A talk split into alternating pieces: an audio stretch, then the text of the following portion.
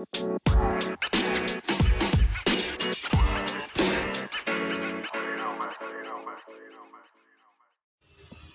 27 Sepertiga atau semua Prank Gucci berusia ratusan tahun salah satu ornamen sederhana tapi super antik dan mahal di ruangan rapat lantai satu bank semesta menghantam dinding, hancur berkeping-keping. Ruangan besar hening sejenak, salah suara bising yang mengejutkan. Kami mau uangnya kembali. Salah seorang nasabah yang bersiap melempar Gucci berharga itu ditilik dari wajah dan batuk badannya, dia pastilah pernah mengikuti dress militeran, menatapku galak. Ya, kami mau uangnya kembali. Nasabah lain berseru menimpali. Benar, teriakan nasabah lain ikut terdengar, mengangguk dengan tampang masam. Kami juga ingin bertemu Om Lim. Sejak tadi Sejak tadi malam kami ingin mendengar penjelasan langsung darinya, bukan dari staf ahli, orang kedua, wakil, atau apalah kalian menyebutnya. Salah satu nasabah di barisan belakang berseru pelan. Ya, kami ingin bertemu Om Lim. Dia harus mengembalikan seluruh uang kami. Aku mengembuskan napas jengkel, menggeleng. Urusan ini sama saja di pinggiran pasar induk yang becek dan bau maupun di ruangan dengan lantai keramik mahal dan bergolden bludru. Baik para pedagang buah dan sayur yang meliburkan kembalian maupun nasabah kelas kakap dengan tabungan miliaran. Semua orang bertingkah sama, melupakan kesabaran jika urusannya tentang uang. Baik, aku berseru tegas, berjalan cepat menuju sudut ruangan yang lain kasar menyambar kunci antik lain. Nah, kau lemparkan juga yang ini. Lemparkan semua. Aku membentak melotot. Nabas, nasabah setengah baya dan berbadan kekar itu terdiam. Bingung menatapku. Prank. Aku yang lebih dulu melemparkan dua guci mahal itu menghantam dinding cermin dekat proyektor. Suara potongan guci yang hancur beserta serpian cermin berderai menimpa lantai. Gumaman puluhan nasabah besar bank semesta segera bungkam. Mereka sempurna menatap ke arahku. Kalian lemparkan semua guci di ruangan ini. Kalian rusak semuanya, bahkan gedung besar ini kalian hancurkan.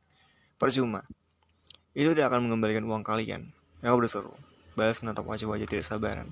Sekali bank semesta ditutup pemerintah, tidak ada pun uang nasabah di atas 2 miliar akan selamat. Percuma kalian teriak, marah, demo, membakar ban di depan istana. Sia-sia. Maka berhentilah bertingkah kanak-kanakan. Mari kita bicara baik-baik. Ruangan besar kembali senyap. Aku menahan napas. Pertemuan ini sebenarnya berjalan sesuai dengan dugaanku. Persis aku masuk ruangan, mereka sudah berteriak marah dan lebih marah lagi saat aku mulai berbicara tentang kemungkinan bank semester ditutup. Lima menit berlalu hanya soal waktu salah satu nasabah akan berusaha meninjau wajahku. Pertemuan menjadi gaduh, jadi aku harus bergerak cepat.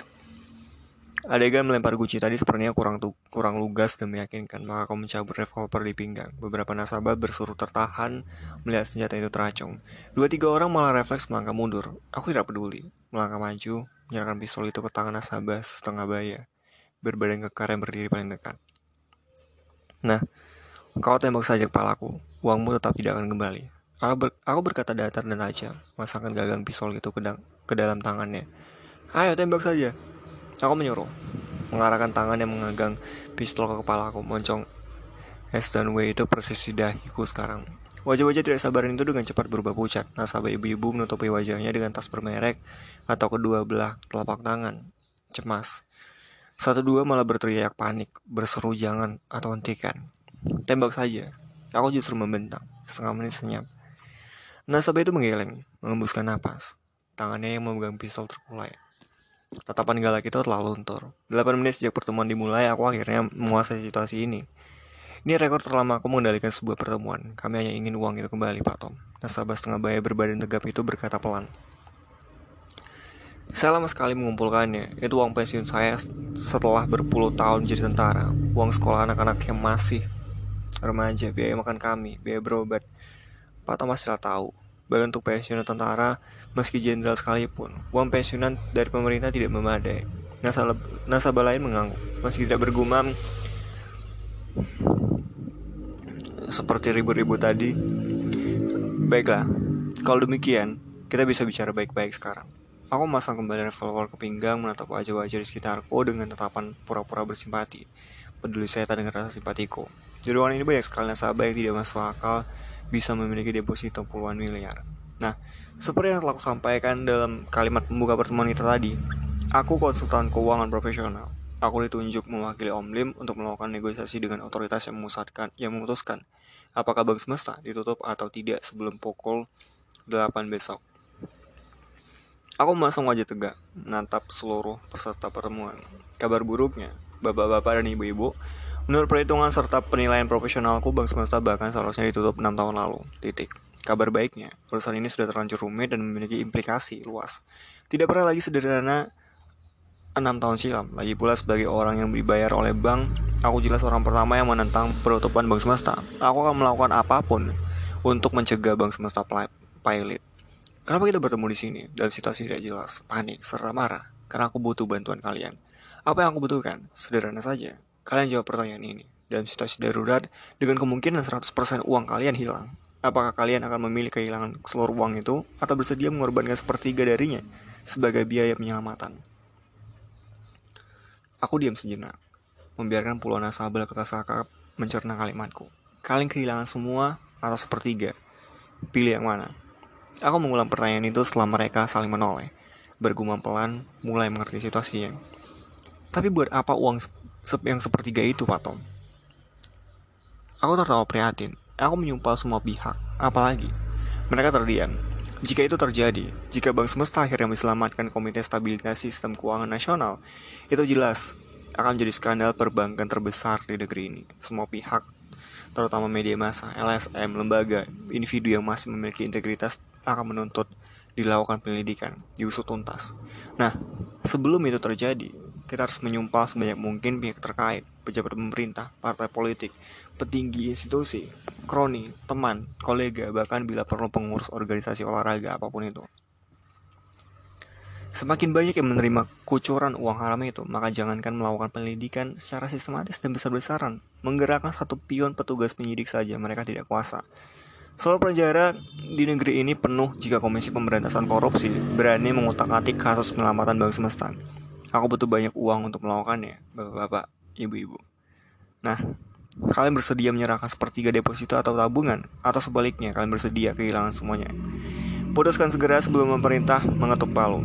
Sekali Bank Semesta ditutup, tidak ada tidak ada lagi rekayasa yang bisa aku lakukan. Kalian punya waktu setengah jam untuk berdiskusi. Aku harus segera pergi, waktuku sempit. Selamat pagi. Aku balik kanan meninggalkan keributan yang segera meruap di ruangan. Ram, kau pimpin mereka berdiskusi. Aku menepuk bau Ram. Kabarkan segera pada aku apa pun keputusan mereka. Ram mengangguk, bergegas menyejajari langkah kakiku keluar ruangan rapat. Suara bising peserta pertemuan segera memenuhi langit. Satu dua berseru soal semua ini tidak masuk akal. Menyesal telah menabung di bank semesta. Satu dua menangis. Mungkin sedih membayangkan uang yang hilang. Tapi lebih baik yang mengangguk menyetujui kalimatku. Mulai berkumpul dan bahas solusi yang kutawarkan. Solusi paling masuk akal bagi mereka. Aku sudah tidak mendengarkan. Sudah pukul 9. Dua jam lagi jadwal pertemuanku dengan menteri. Aku harus singgah sebentar ke kantor mengambil salinan dokumen bank semesta dari Maggie. Saat itulah, saat aku melintasi pintu, berjalan cepat menuju lobi luas gedung, seseorang telah menungguku. Rambutnya menguban. Tubuhnya gembal pendek, wajah khas seperti opa. Dia tersenyum hangat. Tommy, apa kabar? Aku mendongak menelan ludah, hanya sedikit orang yang tahu nama panggilan masa kecilku. Apalagi saya ke rumah dibakar puluhan tahun lalu. Nama kecil itu hanya diketahui opa, om Lim, dan tante. Siapa orang tua ini?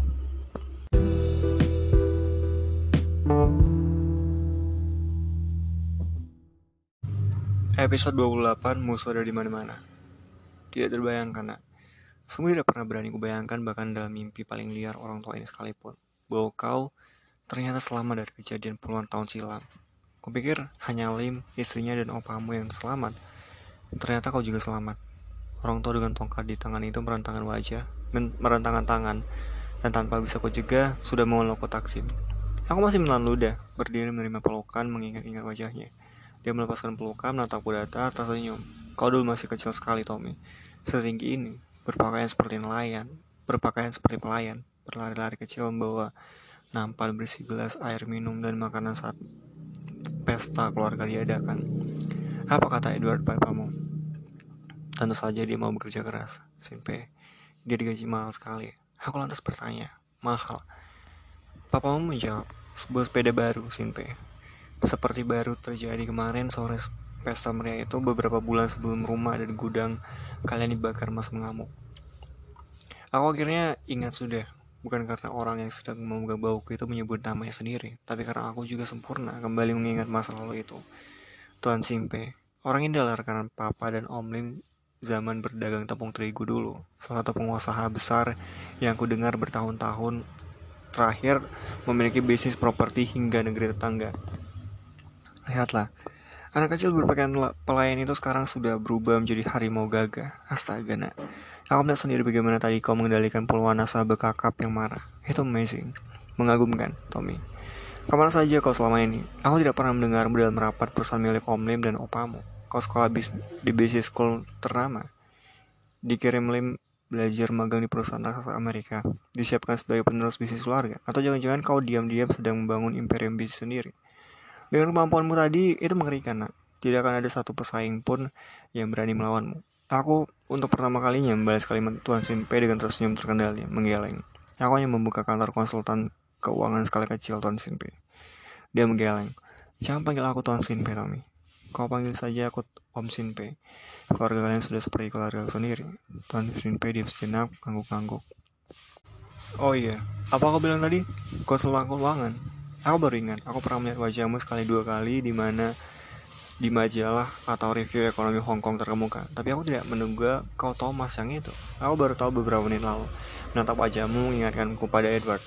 Orang tua ini tinggal di Hong Kong, Tommy. Tidak tahu banyak urusan bisnis Jakarta. Bahkan sebenarnya aku baru tiba tadi malam. Perjalanan mendadak yang cukup melelahkan untuk orang setuaku. Aku mengangguk sopan, melirik pergelangan tangan. Lima menit aku tertahan di lobi gedung Bank Semesta. Kalau saja orang tua ini bukan Tuan Sinpe, aku sudah izin pamit segera. Pertemuan seperti penting menungguku pukul 11. Tapi mengingat dia teman dekat papa dan Om Lim, aku memutuskan bahasa basi sebentar. Perjalanan mendadak. Keperluan bisnis. Aku bertanya, mencoba sembarang, sembarang pertanyaan. Tuan Simpe mengangkat bahu.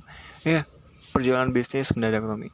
Tidak kebetulan aku datang kemari, ke gedung megah Bank Semesta yang nyaris kolaps milik Lim. Aku terdaftar dalam nasabah besar Bank Semesta. Tadi malam aku dihubungi untuk segera berkumpul. Alisku sedikit terangkat.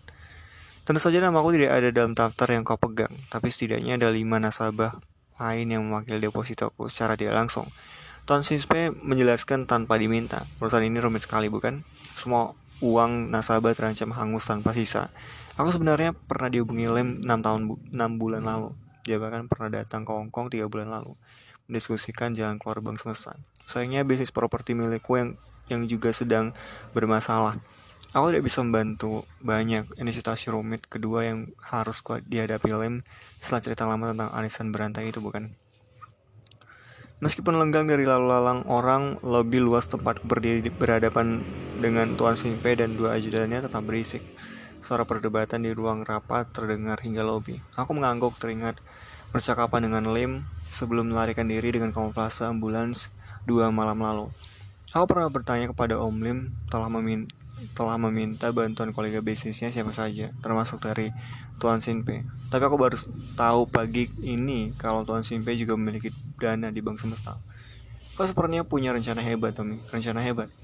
Hei, ya, apalagi rencana hebat menyelamatkan Bank Semesta? Tuan Sinpe bertanya, menyelidik dengan mata berkerut. Aku menggeleng perlahan, tidak rencana hebat, hanya, hanya rencana nekat. Tuan Sinpe terkekeh prihatin. Jangan terlalu merendah, Tommy. Kau pasti yang terbaik dari ribuan konsultan keuangan yang ada. Wajahmu ada di halaman depan majalah Hong Kong. Itu pasti jaminan. Dan lebih dari itu, kau pasti akan melakukan apa pun untuk menyelamatkan bisnis keluarga, bukan? Bahkan termasuk mati sekalipun. Aku punya lawan tangguh sekarang. Aku terdiam menelan ludah. Sedetik aku seperti merasa ada yang ganjil dengan percakapan ini. Ini kabar baik. Tentu saja kabar baik.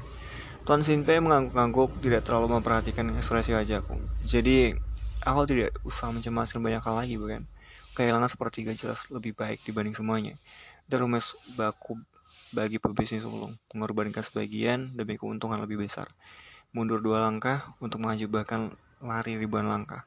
Kau pasti lebih dari paham tentang itu. Nah, bisa kau ceritakan apa yang sedang kau rencanakan, Tommy? Aku Miguel yang sopan. Tentu saja kau tidak boleh bercerita. Tuan Sinpe tertawa kecil. Atau kau bisa memberitahuku Lem sekarang berada di mana. Sejak tadi malam aku berusaha mencari tahu, tentu juga puluhan nasabah lainnya ingin tahu. Om Lim tempat yang aman, tempat yang aman. Aku lagi-lagi menggeleng sopan, tapi tegas. Lebih luas gedung bang semesta masih lenggang dari lalu-lalang orang. Suara berisik di ruang rapat mulai terdengar pelan. Ram sepertinya melakukan apa saja untuk mengendalikan diskusi. Sedang aku beradut, tatapan dengan Tuan Sinpe. Baiklah Tommy, orang tua ini sepertinya terlalu cemas, terlalu ingin tahu. Kau, kau sepertinya sedang berburu. Waktu yang tersisa sempit sekali, bukan? Kau boleh meninggalkanku sekarang. Tuan Sinpe menepuk-nepuk bahuku. Aku akan bergabung ke ruang rapat bersama nasabah lain. Setidaknya aku tidak perlu mencemaskan nasib bank semesta sekarang, termasuk nasib uangku. Nasibnya sudah ada di tangan orang yang tepat. Aku hanya perlu mencemaskan hal lain. Cemaskan hal lain? Aku bertanya. Tuan Simpai menyeka pelipis, menatapku sambil tersenyum. Apalagi selain mencemaskanmu, Tommy. Apa pun yang sudah kau lakukan, itu pasti berbahaya.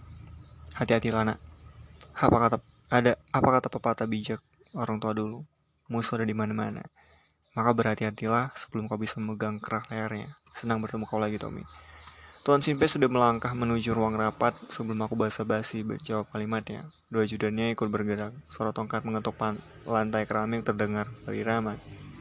Aku menelan ludah, rombongan Tuan Simpe sudah menghilang di balik pintu ruang rapat. Aku melirik, aku melirik pergelangan tangan mengumpat dalam hati waktu terbuang hampir setengah jam.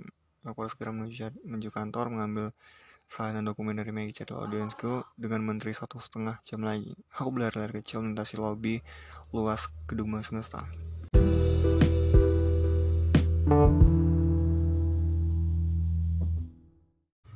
Episode 29 Pilihan rasional atas dua kemungkinan buruk. Taksi yang kutumpangi dari Dermaga Yak masih setia menunggu. Kita kembali lagi, Pak. Supir taksi bertanya, mengeringai. Belum hilang anggokanku, belum genap menyebut tujuan berikutnya. Mobil sudah melesat meninggalkan pelataran parkir gedung Bank Semesta. Hari Minggu, jalanan protokol enggang. Telepon genggamku berbunyi saat aku merebahkan punggung, berusaha rileks jenak. Nama Eris terpampang di layar telepon genggam. Aku menggerutu sejak tadi aku menunggu nomor kontak yang akan dikirimkan Erik. Aku mengangkat telepon setengah berseru. Kau butuh berapa lama lagi untuk mengirimkan bisnis card putra mahkota, Erik? Sabar, Thomas. Erik berkata santai. Astaga, waktu itu terbatas. Aku mulai jengkel. Aku harus melewati beberapa prosedur sebelum memberikan nomor kontaknya, Tom. Kau tahu ini tidak seperti memberikan nomor telepon artis idola atau pengarang kesayangan atau nomor telepon terapi selanggananmu. Lagi pula kabar buruknya dia tidak otomatis mengangkat tel setiap telepon yang masuk. Nomor nom nomormu tidak dikenali. Mau kau telepon belasan kali, jangan harap diangkat. Dilirik pun tidak. Erik menjawab dengan logika. Aku terdiam sejenak, benar juga. Nah, kabar baiknya, aku bersedia menelpon dia 5 menit, 5 menit lalu, memberitahukan ada teman klub pertarung yang ingin menghubungi, membicarakan sesuatu yang amat penting. Dia bersedia kau hubungi, tapi tidak lewat telepon, kawan. Riskan sekali melakukan pembicaraan sensitif lewat telepon, yang menyediakan waktu untuk pertemuan langsung. Kabar baik, bukan? Erik tertawa. Aku mengepal tinju, Senang mendengarnya. Ini jelas lebih baik, Eric. Terima kasih banyak. Kau memang teman yang baik. Berterima kasih saja tidak cukup, Tom. Kau harus mencium kakiku. Harry masih tertawa. Meminta jadwal pertemuan dengan putra mahkota tidak pernah mudah. Aku harus meyakinkannya berkali-kali bahwa kau akan membicarakan sesuatu yang sangat penting. Di mana pertemuannya? Aku mengabaikan kalimat Eric dan, dan tawanya. Bergegas memastikan. Nanti sore pukul 4 di Denpasar, dia akan dia dan petinggi partai politiknya sedang di sana, di urusan partai, membuka munas, musda atau apalah. Aku mengembuskan napas, tidak bisa dia ke Jakarta. Saudaraku ketat sekali sebelum besok pagi kantor buka. Erik tertawa menyebalkan. Kau gila, Tom. Kau pikir dia klien, teman kantor atau siapalah yang bisa kau suruh-suruh selama ini? Esok lusa boleh jadi kau melihatnya di televisi sedang pidato kenegaraan dan kita tidak bisa lagi memanggil namanya langsung tanpa sebutan bapak. Aku melan ludah, aku hanya bergurau, Erik. Kau tidak pernah mengerti sarkasme, entah itu di rapat-rapat atau bahkan dalam bercakap telepon sekalipun. Aku bisa ke pasar nanti sore pukul 4 sore. Pukul 4, itu hanya berjalan 2 jam. Terima kasih sudah membantuku. Simpan saja terima kasihmu sekarang, Tom. Aku akan menagihnya di waktu yang tepat, permintaan yang tepat, dan harga yang mahal. Terkekeh. Aku akan membayarnya. Pegangnya Jigo. Great. Adios, kawan. Sebentar, Erik. Aku mencegah Erik menutup telepon teringat sesuatu. Tadi kau bilang tidak mudah bertemu dengannya. Lantas bagaimana kau hanya butuh waktu 5 menit untuk meyakinkan dia? Itu gampang, Tom. Aku, aku tiru mentah-mentah trikmu selama ini. Ku bilang orang ini yang, yang meminta jadwal bertemu hendak menyumbang 10 miliar untuk dana partai. Brilian bukan? Dia pengen lupa untuk bertanya siapa namamu. Nah, selamat berlibur. Jangan lupa bawa sandblok atau paman selancar. Selamat bertemu dengannya, Tom. Ingat, kau harus sopan. Dia sensitif. Maklum lah, anak muda yang tiba-tiba kejatuhan bulan, kuasaan besar tangan, banyak sekali penjilan sekitarnya. Salah satu kata, salah salah kata moodnya bisa rusak dan kau kehilangan kesempatan. Kalau dia siapa, kalau dia siapalah, paling juga sedang keringatan. Mengapit map lamaran kerja atau gugup mengerjakan lembar ujian psikotes. Erik tertawa menutup laptop. Aku menunggu sepelan hujan yang buruk. Taksi terus membelah jalanan lenggang. Telepon genggamku berbunyi lagi saat aku baru saja rileks meluruskan kaki. Kau di mana, Thomas? Suara Julia. Sedikit terdengar panik, aku di taksi menuju kantor hendak mengambil berkas lantas baru ke tempatmu. Ada apa? Tidak ada waktu lagi, Thomas. Kau harus segera ke sini. Jadwal pertemuan kita dimajukan satu jam. Ajudan Menteri baru memberitahuku beberapa detik lalu. Kau yakin? Aku menyerip jam dashboard taksi itu berarti 30 menit lagi. Bergegas, Thomas. Julia menjawab jengkel. Atau hanya aku yang akan menemuinya melakukan wawancara basa-basi sesuai schedule. Tapi berkas itu penting, Julia. Itu akan membuat perbedaan. Peduli amat dengan berkas itu. Kau suruh saja, siapa saja mengantarnya. Aku tidak bisa menelpon berlama-lama. Lobi gedung ini semakin ramai. Sepertinya semua wartawan berebut ingin tahu apa yang terjadi, apa yang sering terjadi. Ada staf khusus istana yang datang, mobilnya baru rapat. Dia sepertinya juga akan bertemu bertemu dengan menteri, teman wartawan lain sudah berlari-lari menghubungi. Aku juga harus mendengar apa yang dia katakan.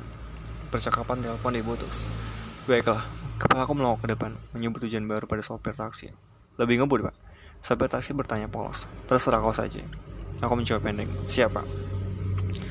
Taksi dengan cepat meliuk, menyalip dua mobil sekaligus. Aku menekan nomor telepon genggam Maggie. Aku harus meminta Maggie mengantarkan dokumen itu. Tanpa salin dokumen yang siapkan Maggie, aku tidak bisa membujuk ibu menteri. Kalian tidak akan pernah bisa membujuk wanita berarti baja itu. Aku mengenalnya bahkan sejak kuliah. Satu-satunya cara meruntuhkan sebuah keteguhan sikap atas kejujuran dan integritas hidup hanyalah dengan mengurung dia dengan dua pilihan. Hanya dua pilihan, tidak lebih tidak kurang. Dua pilihan yang sama-sama sulit, maka ketik maka ketika skenario itu terjadi konteksnya menjadi berubah. Pilihan paling rasional atas dua kemungkinan terburuk. Salah dokumen yang dipegang Maggie adalah kuncinya